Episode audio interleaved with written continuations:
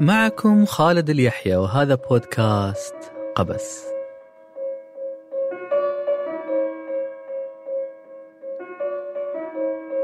في قبس سنروي قصصا. فالبشر كما كلنا نعلم هم مخلوقات من نيفرلاند بلاد الأساطير. القصص تعيد تشكيل خيالاتهم.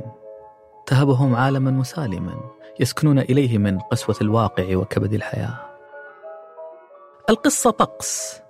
يفصلنا عن يومياتنا. تغزو القصة وجودنا وتغيره للأبد. ترفه عن مشوشي التفكير. وتشوش على أولئك الذين ظنوا تفكيرهم مجرد رفاهية. وقصصنا في قبس في الغالب تم ترجمتها من روائع سادة الحكايات. وستحكي أخبارا لم يرويها أحد عن أبطال مجهولين لم يبنوا أهرامات ليموتوا فيها ولا معابد مذهبة ليصلوا فيها ولا صروحا من رخام لينقشوا أسماءهم عليها. أبطال لم يتصدروا صفحات الجرائد ولا ترندات الهاشتاجات لكنهم فرضوا على هذا العالم إيقاعهم من حيث لم يعلم بهم أحد ورسموه بطريقتهم الخاصة جدا. سنروي هذه القصص ولا نعرف أبدا ما الذي سنتعلمه. وما الذي سننساه؟ وما الذي سنتذكره؟ ستنتابنا مشاعر متناقضة. قد يجتاحنا السرور أو الإعجاب أو الملل أو الانزعاج أو الحماس أو الحسد أو الشوق. كل الذي أرجوه في قبس أن تغفروا للراوي عيوبه وتتغافلوا عن ضعفه وتصححوا أخطاءه. بودكاست قبس يأتيكم من استوديوهات جينو ميديا.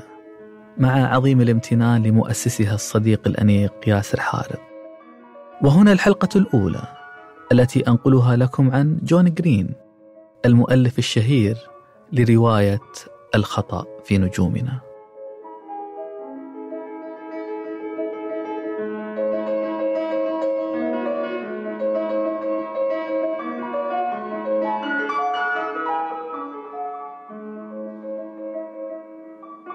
في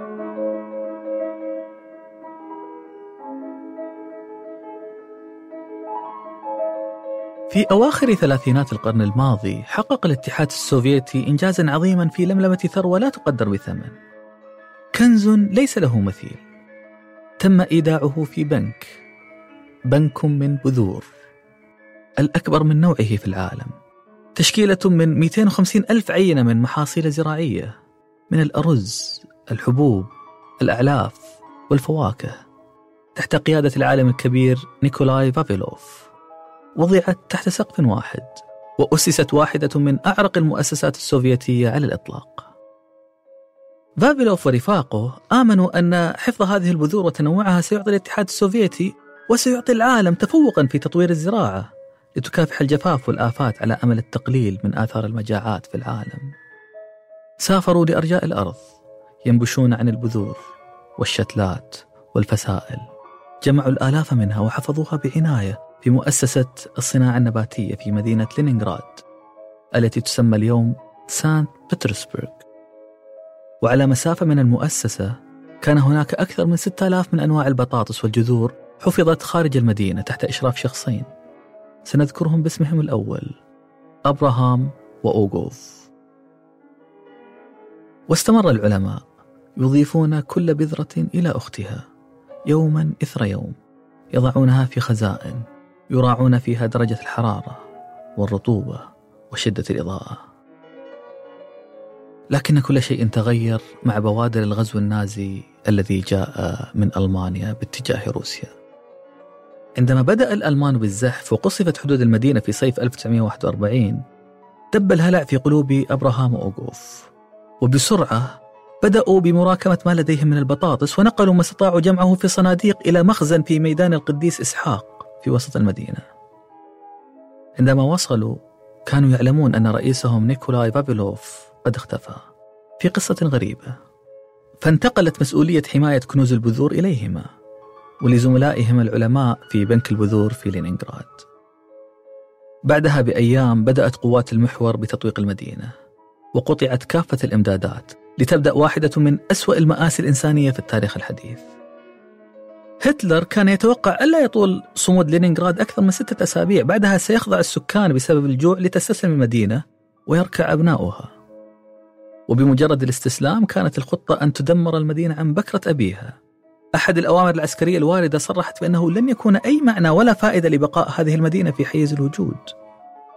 أن على لينينغراد أن تتوقف عن الادعاء أنها تصلح أن تظل امتدادا للحضارة الإنسانية. باستثناء واحد.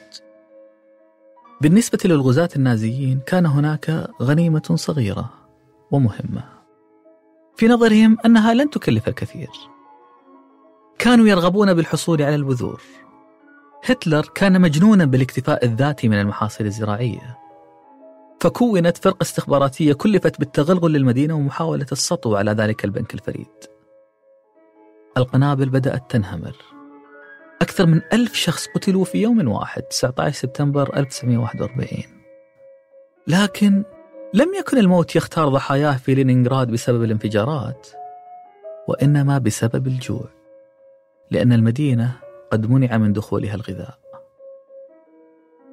وفي أول شتاءات لينينغراد القاسية لم يجد المدنيون الحبوب فكانوا يخلطون نشارة الخشب بالخبز. مذكرات أبناء المدينة توقفت عن الحديث عن أجساد السكان وإنما عن الهياكل الهائمة. أحدهم روى كيف أن أباه مات وهو يتساءل أين جسمي؟ لا أراه. في ذلك الشتاء كان يموت أكثر من مئة ألف من قاطني لينينغراد كل شهر. إحدى السيدات صارت نحيلة نحيلة جدا ومتيبسة جدا لدرجة أنها وضعت مع الجثث دون أن تملك القدرة على الكلام لولا تدخل زوجها الذي كان يصرخ أنها ما زالت تتنفس. ولدهم فيكتور مات في تلك الأيام القاسية لكن الزوجين استطاعا العيش ورزقا بولد آخر بعدها بعشر سنوات سمي فلاديمير فلاديمير بوتين.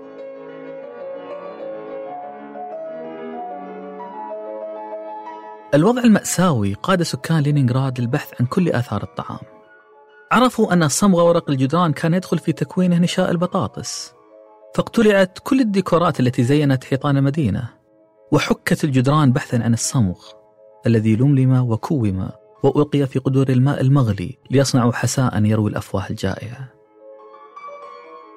في نفس الوقت كان بحوزة المسؤولين عن بنك البذور الآلاف والآلاف من الحبوب القابلة للطهي والانتفاع. كان لديهم القمح والشعير والحنطة والأرز والآلاف من براعم البطاطس التي هربها أبراهام وغوبوف لكن ما تأكله الآن لن تستطيع أن تبذره غدا.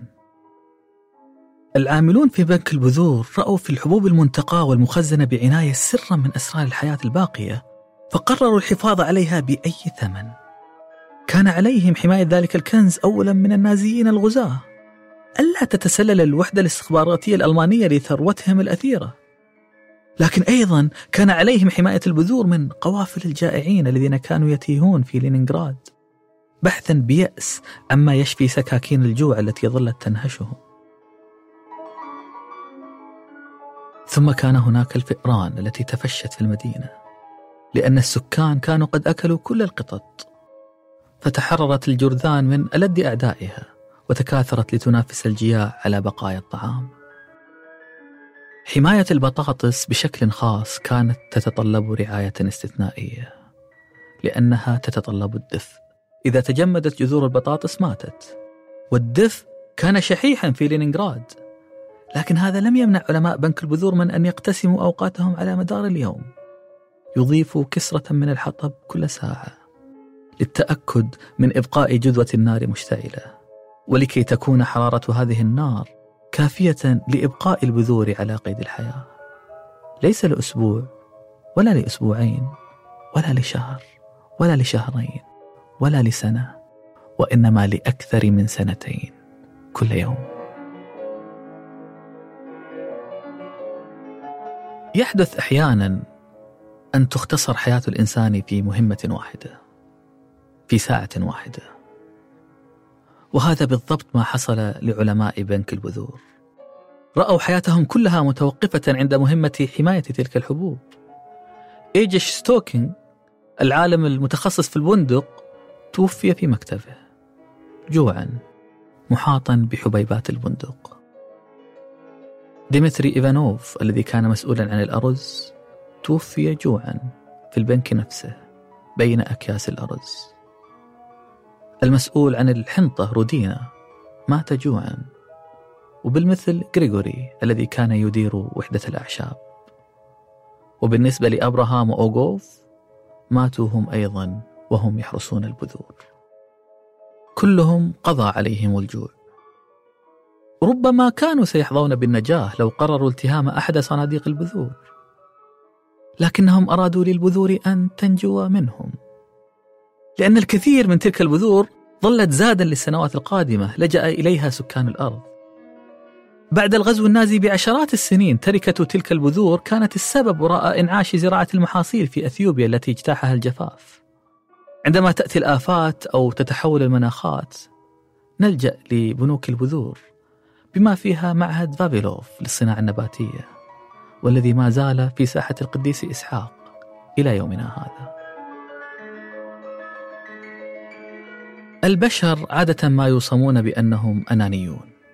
لا يستطيعون التفكير بما وراء مصالحهم الشخصية وهذا حتما صحيح. في الحالات اليائسة قد يتحول البشر إلى وحوش يائسة. لكن البشر أيضا هم أولئك الذين يؤثرون الموت ليحفظوا بذور البطاطس. من أجل حياة أناس لم يعرفوهم. كل بذرة تحمل في أحشائها احتمالات حياة لم تتشكل بعد. وعندما خيروا بين أن تكون الحياة لأنفسهم في ذلك اليوم أو أن تكون الحياة لآخرين لا يعرفونهم في المستقبل اختار علماء البذور في لينينغراد الآخرين. اختارونا.